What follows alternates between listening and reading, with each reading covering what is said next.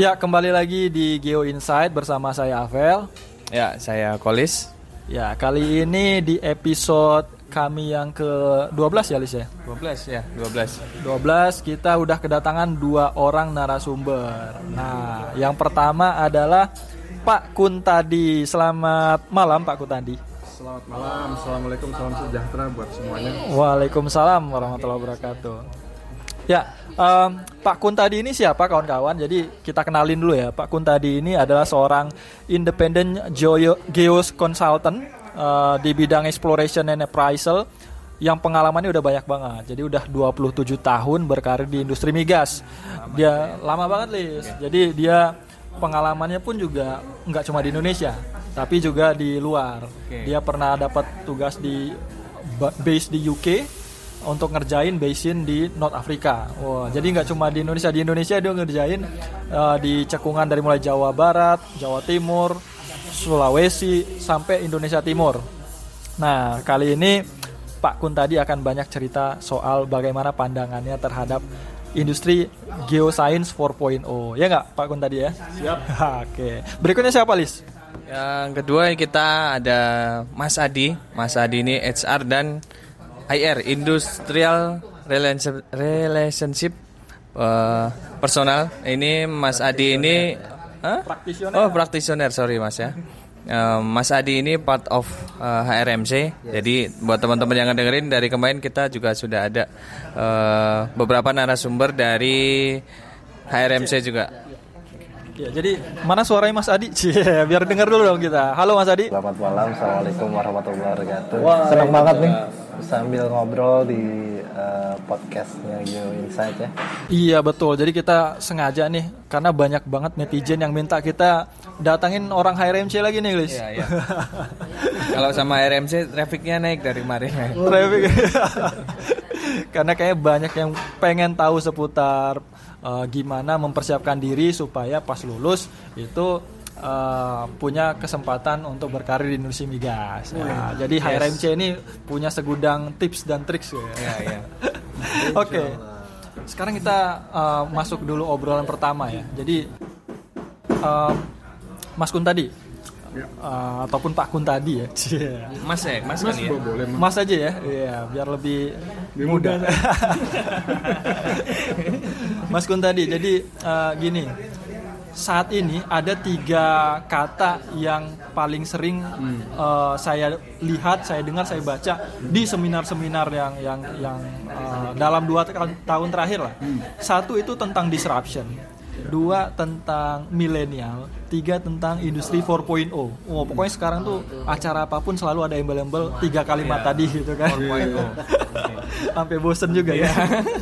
nah, tapi sebenarnya kalau ngomongin disruption milenial industri 4.0 biasanya relate-nya ke industri-industri fintech gitu kan, industri-industri startup teknologi gitu kan. Jarang yang ngebahas ini di sisi eh, industri migas ataupun geoscience-nya gitu. Iya, jadi kita nggak tahu sebenarnya di industri migas itu apakah apa update gak sih dengan ini, dengan industri ini bagaimana gitu. Betul, karena kalau kalau kemarin kita baca juga di studinya Incenter ya, eh, 2018 dia menerbitkan buku juga tuh 50 industri yang akan dibunuh oleh milenial tuh, salah satunya industri migas tuh mas. Wah. Karena ke depannya para milenials ini dengan revolusi industri 4.0 yang cepat akan membunuh industri ini. Nah, pertanyaan saya ke Mas Kun tadi nih, menurut pandangan Mas Kun tadi, em, industri 4.0 milenial disruption yang Mas Kun tadi lihat eh, se- sejauh pengalaman Mas Kun tadi selama ini itu seperti apa? Impactnya ataupun yang sudah kejadian mungkin di industri migas ini seperti apa Mas? Baik, eh, terima kasih pertanyaannya. Sangat apa ya namanya eh, menarik. Karena memang eh, bicara tentang disruption ya eh, teman-teman. Disruption itu sebenarnya terjadi setiap hari pada kita. Karena itu kan intinya perubahan ya. Tetapi kadang perubahan bukan kadang sering kalau saya lihat perubahan itu suka kita nggak rasakan gitu. Nah sehingga kita lebih memilih untuk eh, enjoy dengan atau comfort dengan apa yang ada dengan sekarang gitu. Nah, disruption di sini kalau di dalam industri geoscience sebenarnya awalnya itu kan kita bicara dulu lah 20 tahun lalu kita bicara dengan masih data-data analog kemudian sekarang kita udah mengenal digital yang dulu pakai USB flash disk kita pakai public folders yang sering connected kemudian sekarang cloud. Ya itu suatu keniscayaan artinya nggak semua eh bukan semua industri pasti akan mengalami itu gitu. Mau nggak mau apalagi seperti industri migas yang yang syarat dengan teknologi ya. Artinya itu dengan sendiri akan mengikuti gitu. Nah millennials dan industri 4.0 ini yang sebenarnya juga sangat-sangat berasa di dunia migas karena kami-kami yang apa namanya istilahnya angkatan jadul ya generasi zaman dulu ketika kita mendapatkan team members yang millennials ya, itu juga berbeda gitu. Kita udah bisa memperlakukan bahwa dengan bangganya kita bilang dulu zaman saya ini begini gitu nggak bisa. Beda dunianya karena mereka juga udah dengan hidup lahir hidup dan berkembang dengan situasi yang seperti ini. Sementara kita masih gaptek gitu lah artinya dari orang-orang jadi jadi itu artinya disruption sama millennials itu buat kami yang seniors juga ter, terdampak yang juniors juga menghadapi peralihan antara masih punya supervisor yang seperti kami atau peralihannya nanti. Nah, jadi intinya bahwa teknologi itu menjadi isu yang sangat penting sekarang di dalam dunia migas. Karena pada intinya modernization modernization ya kemudian teknologi invention penemuan teknologi sama integration. Intinya tiga hal itu. Artinya kita nggak bisa kalau nggak melakukan itu karena akhirnya nanti kita akan tertinggal. Artinya kita akan tertatih-tatih lah di dalam bersosialisasi dengan dunia ini ya di, di industri migas. Jadi seperti itu sih artinya semua itu sudah terjadi dan kita sudah uh, merasakan bahwa yang tadi teman-teman sebut disruptions every day hanya sekarang dengan ada millennials dan industri 4.0 kita beralih menjadi analog kemudian menjadi digital yang kita geoscience yang tadinya kita harus attach menyentuh dengan apa ya namanya physical space ya. Outcrops kita pegang batu kita pegang menjadi cyberspace teman-teman mungkin pernah dengar ada virtual outcrops sekarang teman-teman udah pakai drone dengan pakai kamera canggih teknologi lidar untuk mem, apa, mempotret singkapan sehingga kita tidak perlu datang lagi ke singkapan. Iya. Kita bisa lihat di situ gitu. itu salah satunya Oke, artinya Pak, selama sekarang udah pengalaman 27 tahun ini artinya di industri oil and gas sendiri udah beradaptasi ya dengan eh, kemajuan teknologi yang sangat cepat ini ya. Nah sebenarnya tidak hanya teknologi, saya ingin membawa satu lagi hal yang terkait dengan teman-teman di HRMC mungkin ya. Teknologi, modernization dan integration itu kan satu hal, tetapi the way of we work itu kita juga harus perhatikan karena ada istilah sekarang agility, agile working, bahwa dengan adanya isu satu lagi nih bukan hanya 4.0 tapi net zero company. Net zero company. ya net zero pollution artinya perusahaan berusaha segreen mungkin sekarang karena menuju ke arah energi alternatif kan sekarang. Ya. coba teman-teman nanti perhatikan. Beberapa pekan terakhir aja BP menarik si si CEO yang baru sudah mengutarakan bahwa sebelum tahun 2050 BP dalam hal ini akan menjadi net zero company dalam hal pollution. Kemudian saya juga baca Amazon.com di 2040 dia akan ready bahkan lebih cepat dari itu seluruh armada peng- pengiriman barangnya akan electric car. Gitu. Oke. Nah, jadi intinya bahwa agility itu menjadi keharusan. Di satu sisi, satu company merasa kok ada company kompetitor kita bisa produksi satu juta barrel per hari dengan hanya seribu orang globally. Kenapa kita produksi satu juta barrel orangnya kok 2000 2000 orang sih gitu? Ada apa nih? Gitu. Ada shareholders juga mikir kan, loh ini ancaman nih buat tenaga kerja kan tetapi di satu sisi justru sebenarnya ini menjadikan company itu untuk berpikir lebih apa kreatif lagi untuk menciptakan apa efisiensi kan. Tapi kah apa apakah efisiensi selalu berhubungan dengan pengurangan pegawai? Nah itu itu hal lain, ya kan. Jadi, uh, nggak. Hanya apa eh, 4.0 ini Pak ternyata sekarang eh, net zero ya Pak? Net zero company. Jadi company itu akan se-green mungkin. Mungkin contohnya penggunaan penggunaan kertas itu akan eh, berkurang ya? Kemudian di uh, instalasi kilang mereka yang seharusnya mengeluarkan polusi juga. Karena kan memproduksi uh, gas ada flaringnya sama nah, flaringnya itu yang mengandung karbon segala macam. Itu akan dikurangi sedikit demi sedikit. Tadi penggunaan elektrikar ya? Electric cars ya seperti itulah. Karena eh, kenapa di studi sebelumnya bilang industri migas itu akan dibunuh milenial? Karena dianggap industri yang kotor, gitu. yang yang nggak green gitu loh, nggak green. Sedangkan milenial suka yang ya banyak polusinya gitu kan, menyebabkan emisi ya. Sedangkan milenial sukanya yang energi bersih untuk masa depan gitu kan. Nah tapi ternyata kalau gue sendiri nggak percaya juga Lis. Kenapa? Karena raksasa teknologi dunia ya kayak Google, Amazon, Microsoft ternyata sekarang udah masuk industri migas. Gue juga baru nonton YouTube-nya kemarin. Oh gitu. iya, dia dia udah kerja sama sekarang riset bareng sama Total, BP, Shell untuk meng- mengimprove teknologi di situ. Jadi udah pakai artificial intelligence ataupun machine learning nantinya. Jadi mereka ternyata udah join sama industri migas. situ ya. Makanya kayaknya industri migas akan tetap survive ya, Pak ya. Cuma tuh ber- berevolusi mungkin ke depannya. jadi intinya dengan adanya teknologi baru mungkin ada satu profesi yang berhilang atau berkurang tetapi dengan adanya teknologi baru kan muncul profesi baru gitu.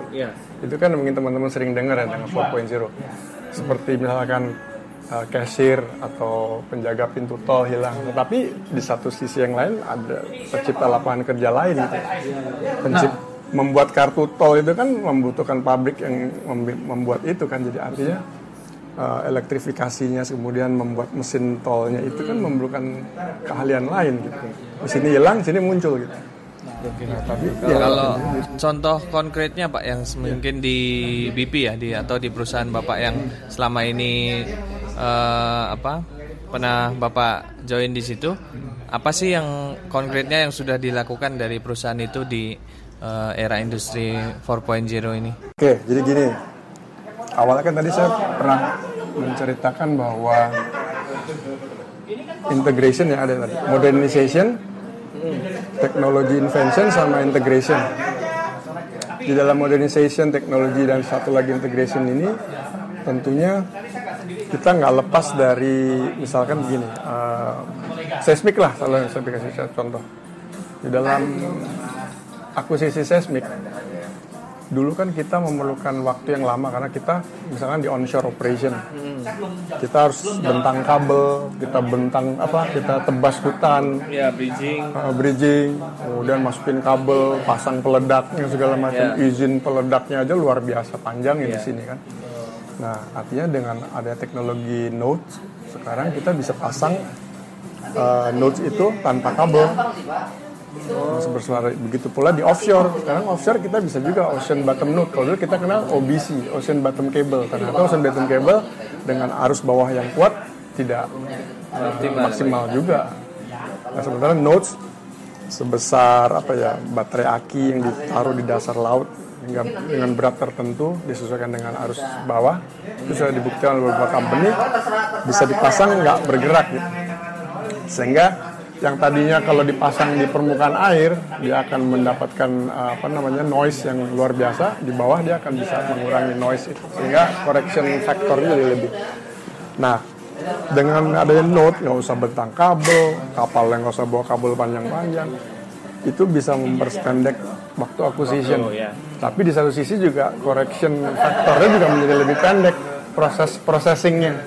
Jadi acquisitionnya lebih simple processingnya juga waktunya lebih pendek, hasilnya trace-nya lebih banyak, lebih lebih. Jadi artinya awalnya memang mahal, tapi kan itu berevolusi nanti ketika semua industri bergerak memakai teknologi itu menjadi lebih murah.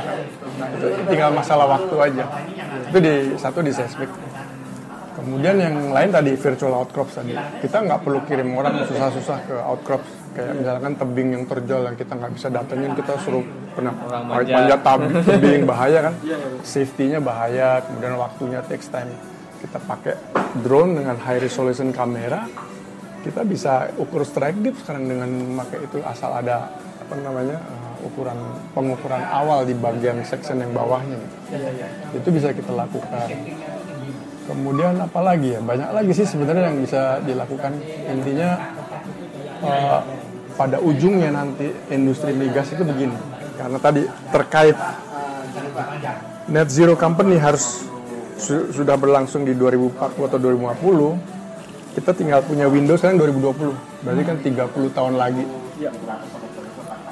Industri itu bilang payback time kita kapan? Jadi kayak kasus saya exploration. Kamu discovery sekarang. Kapan kamu bisa produksi dulu teman-teman mungkin tahu ya ada perusahaan saya nggak usah sebut namanya yang beroperasi di, di Bintuni di Indonesia Timur. Kemudian satu lagi di perairan uh, mana uh, uh, yang ber- berpusat di Jepang.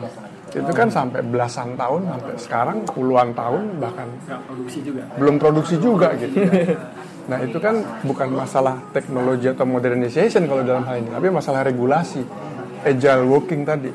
Kalau no matter what you can do it in a modern way or high technology tapi kalau cara pikir pola kerjanya regulationnya nggak nggak menunjang juga mandek juga gitu.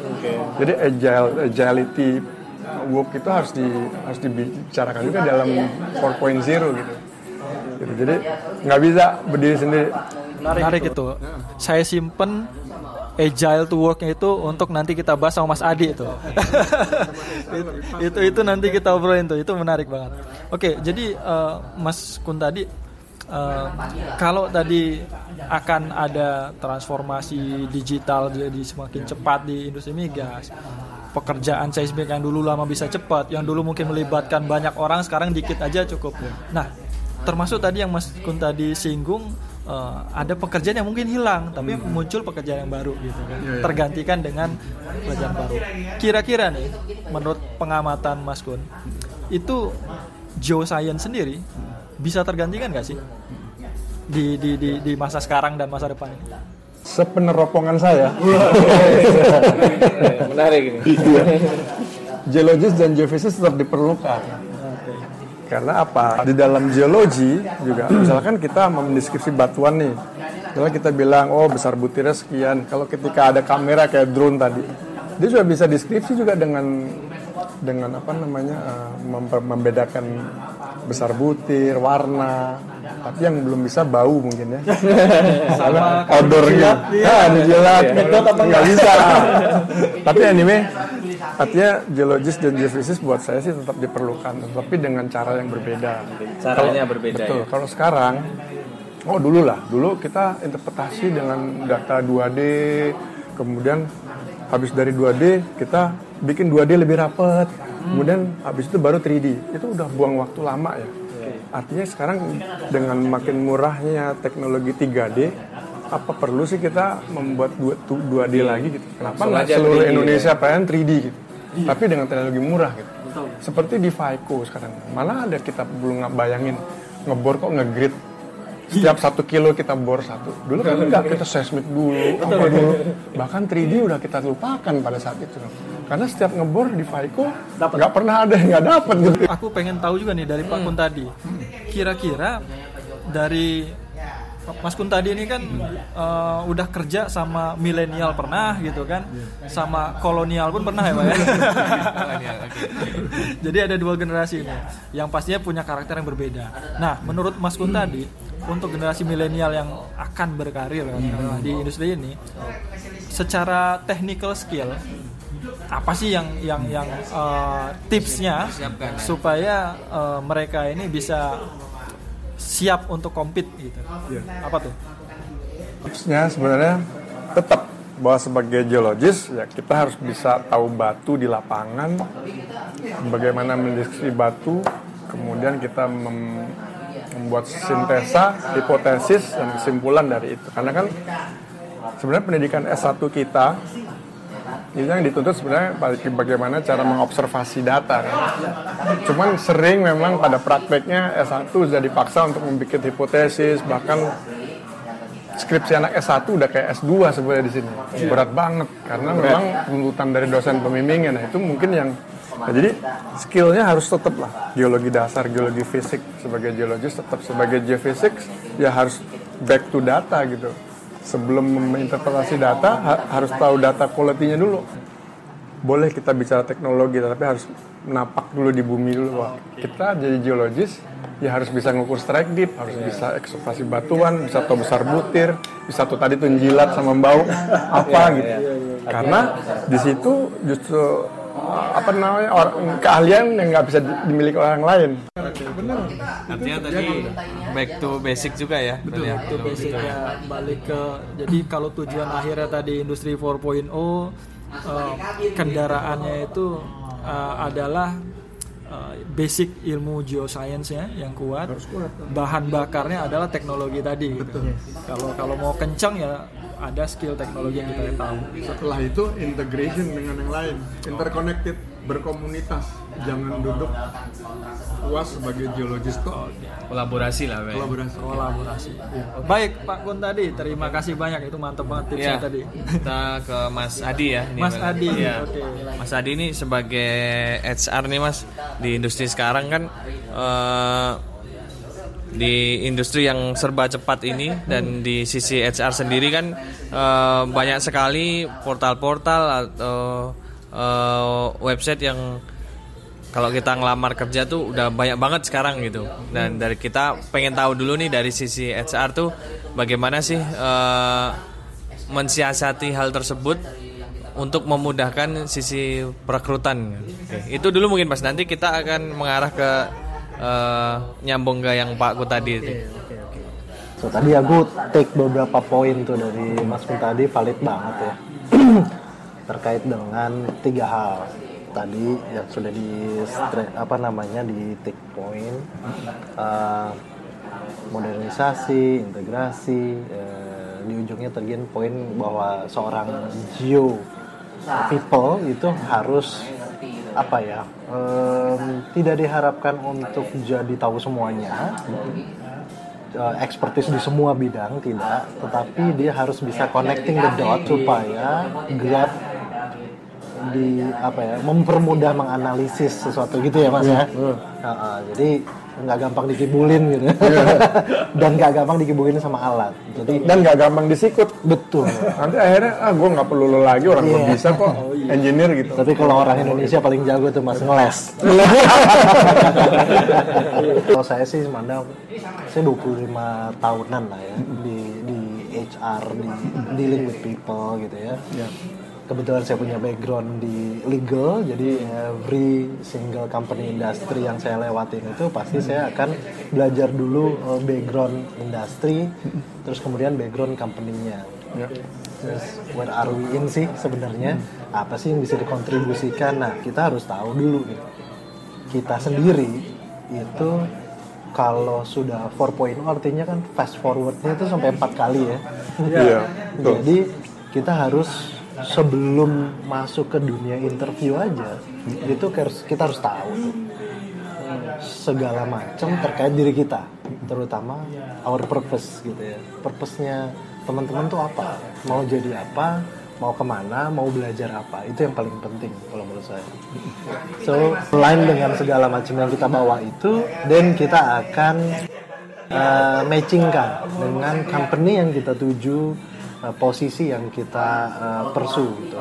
Ini apakah memang uh, milestone awal gitu ya ataukah memang uh, asal ada gitu ya? Kadang kita harus menghadapi realita itu juga gitu. Uh, sambil di dalamnya nanti belajar apa yang mungkin bisa uh, selaraskan dengan strength-nya kita. Gitu. so find your strength first. Uh, dan dari situ nanti baru akan kegali mungkin lebih jauh purpose-nya. Kadang untuk cari itu aja udah takes time gitu ya. Nah, em, tadi yang yang diceritakan Mas Kun itu udah bukan eh, dua dimensi, udah bukan tiga dimensi, udah empat dimensi, gitu. Sekarang di mana-mana hologram. Kalau em, ke apa namanya ke Terminal 3 kalau nggak salah, International sudah ada hologram ya. Enggak betul. Itu udah perkenalan tuh. Cuma dia belum bisa komunikasi. Mungkin ke depannya udah bisa komunikasi dengan kita gitu. So, um, apa sih sebenarnya kalau saya sih memaknainya sederhana Eh, buat teman-teman.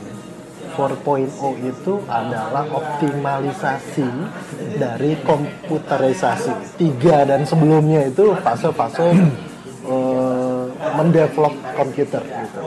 Ke depannya udah AI gitu kan. Nah, analisis tuh udah beyond dari sekedar dan ya kalau saya sih tetap approach-nya bahwa jangan pikir itu semua mesin. Itu teknologi yang di-create oleh manusia juga gitu. So, Iya. apakah kita akan kehilangan tadi yang disampaikan sama Mas Kun bahwa mungkin certain job akan eh, tergantikan, tetapi tetap yang mendesain, yang ngisi kontennya, gitu ya, itu tetap butuh eh, manusia. Jadi pekerjaan-pekerjaan baru yang dulunya call center itu menanggapi secara langsung, sekarang call centernya udah kayak artis tuh. Dari situ dibikin frequent answer and questionnya. Nah dari situ terus kemudian dikombinasi oleh AI tadi. Gitu ya. Jadi tetap um, kan kita udah sering dengar juga teman-teman pasti juga udah sering dengar yang highly demand dari um, skill di era sekarang dan ke depan future work itu adalah satu creativity for sure yang kedua tadi agile. Agile ya iyalah. Sekarang dari ngomongin dari satu uh, proses HR di awal itu ya. Ketika company uh, posting job satu satu posisi di posting. Terus kemudian masuk aplikasi. Sekarang pun sudah untuk posting itu nggak kayak dulu. Kita harus bikin redaksional, tempel foto, kirim ke redaksi, nanti korannya itu akan and so on and so on prosesnya panjang banget. Sekarang benar-benar tinggal masukin apa eh, job specificationnya, tekan satu tombol, instant secara instantly itu akan ke spread out ke multi eh, apa ya network gitu ya. Iya. ke network job ya. portal. Oh, ke beberapa platform gitu. Loh jadi ya banyak sekarang provider-provider yang sudah mem eh, provide hal itu gitu ya. Engage sama satu platform klik udah tuh langsung ke semua. Ada. semua you name it lah Eh, tinggal kita mau slice nya gimana gitu mau ke community mana dan segala macam gitu loh. Terus dari situ begitu eh, teman-teman nanti apply itu pun jangan eh, kaget kalau seandainya masukin eh, apply satu dua sampai mungkin ratusan kali itu nggak kepanggil atau bahkan sekali tapi langsung kepanggil. Nah teman-teman HR itu sudah dipermudah dengan yang namanya application tracking system. Jadi once kita eh, masukkan ke dalam platform itu apply nanti sistem akan membaca dengan AI itu eh, matching prosesnya di situ. Jadi dia akan mengidentify strength apa yang dibutuhkan, kualifikasi apa yang dibutuhkan. For example, like eh, kan kita masukin tuh ya dari kerja pertama sampai terakhir di Iya, mana. iya. Nah itu mereka akan automatically calculate Iya. tahun berapa, tanggal berapa, ber dapat tuh berapa tahun years of service-nya di profesi yang sama gitu. Dia udah punya. Terus kalau misalkan teman-teman yang baru gitu ya, mereka- ya. Fresh graduate itu em, lebih banyak teman-teman HR itu fokus ke talentnya dan portfolio. Jadi nggak usah khawatir harus kerja dulu di satu perusahaan apa enggak, tapi involve ke project-project yang meng apa ya eh, mengenhance skillnya gitu ya ada penelitian ada apa nggak apa-apa dimasukin aja Tadi eh, kita ambil beberapa poin ya dari eh, Mas Adi bahwa creativity, agility, connecting the dots eh, itu menjadi eh, re- apa requirement yang yang yang perlu kita Harus dimiliki. dimiliki gitu kan. Nah, ada pertanyaan juga nih Mas Adi. karena semua tadi kan pengen eh, optimalisasi eh, teknologi lah tadi eh, kata Mas Adi gitu kan. Semua serba cepat sekarang. Mas Kun pun juga bilang teknologi semakin cepat. Nah proses proses eh, hiring atau rekrutmen eh, dari HR sendiri ke depan akan seperti apa? Apakah masih dengan mekanisme kirim CV wah tunggu kemudian eh, dibaca satu-satu atau udah tadi pakai udah pakai AI gitu? Kan atau ke depan ada revolusi baru lagi dari HR dalam melakukan eh, selecting people untuk mendapatkan kandidat terbaik nih. Gimana Mas Ani? Oke. Seandainya gua tahu ya. Seandainya gua tahu ini mas. Gua udah bikin duluan tuh kan. Sayangnya enggak ya. Biar tagline-nya si salah satu apa namanya produsen motor itu ada di saya. Selalu di depan. Selalu di depan. Yang pasti saya sih nggak bisa ngejawab itu ya. Em, tapi mungkin simptomnya gitu ya. Eh, simptomnya itu kalau menurut saya ke depan itu teman-teman harus lebih intensif em, membangun tadi skillnya skillnya sehingga nah, nanti gini perusahaan hunter eh, semua apa ya eh, eh, eh, provider yang membutuhkan sourcing mereka akan jalan ke kampus kecenderungannya ke sana gitu lah ya Jemput bola nih berarti. Oh iya iya iya. iya. Jemput bola karena talent war is always exist gitu. Dari zaman bahula sampai dengan sekarang. Apalagi eh, sekarang gitu ya. Tadi karena eh, kemungkinan kita nggak akan rekrut banyak orang gitu ya. Karena beberapa proses itu sudah disimplifikasi, dioptimalisasi.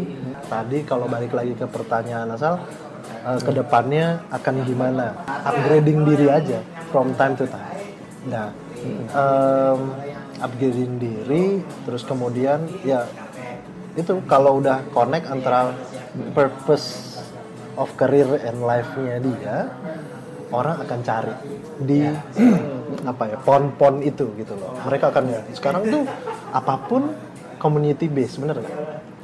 Gitu loh. Kayak podcast kita inilah yang denger ini kalau diklaim 1500 ya 1500 pendengar ya atau yang memutar memview ini ya most likely 90% mungkin orang-orang geo. Ya. science gitu lah ya. Nah ponnya kan di situ gitu loh. Eh, apa namanya kantong-kantongnya.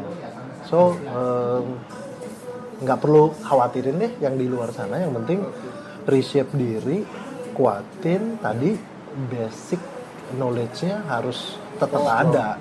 jadi jangan jangan berhayal belajar coding jangan berhayal segala macem tapi basic, knowledge-nya sendiri nggak kuat gitu. So eh, tetap harus memperkuat nah extra knowledge-nya atau skill-nya tetap harus. Karena em, kalau eh, ini ada level-levelannya ya kalau misalkan memang eh, apa namanya first enter atau new employee itu memang yang dikejar adalah kompetensi gitu kan ya. Selanjutnya soft skillnya mulai diolah. Selanjutnya lagi, nah ini kalau future leader itu harus multi talent, multi skill. Jadi nggak hanya bisa konsep thing, tapi juga how to communicate the concept itself gitu. Jadi Iya ya itu ya apa summary-nya yang bisa kita simpulkan tadi dari Mas Adi bahwa uh, mungkin aja akan ada evolusi dalam uh, rekrutmen di industri gitu kan. Uh, dan dan dan bisa jadi nanti akan banyak jemput bola juga. Jadi tugas kita upgrading diri terus gitu. Skillnya dikuatin supaya kita terlihat. Mas Adi dan Mas Kun sangat menarik eh, perbincangan ini. Eh, hampir satu jam kayaknya. Nanti kita edit-edit lagi. Menarik juga tema ini kita akan coba bikin sesi offline-nya. Oh iya. mungkin nanti eh, Mas Kun atau Mas Adi bisa eh, ya kita mau siapin dulu. Mungkin eh, di episode kali ini cukup sampai di sini. Nanti eh, selanjutnya akan kita teruskan di sesi eh, offline mungkin ya Insya Allah. Oke, terima kasih eh, Mas Kuntadi dan Mas Ad- Mas Adi eh, sudah menye- menyempatkan waktunya di tengah dengan kesibukannya untuk mengisi di podcast Geo Insight ini. ya, terima kasih. Saya tutup. Sampai ketemu di episode selanjutnya.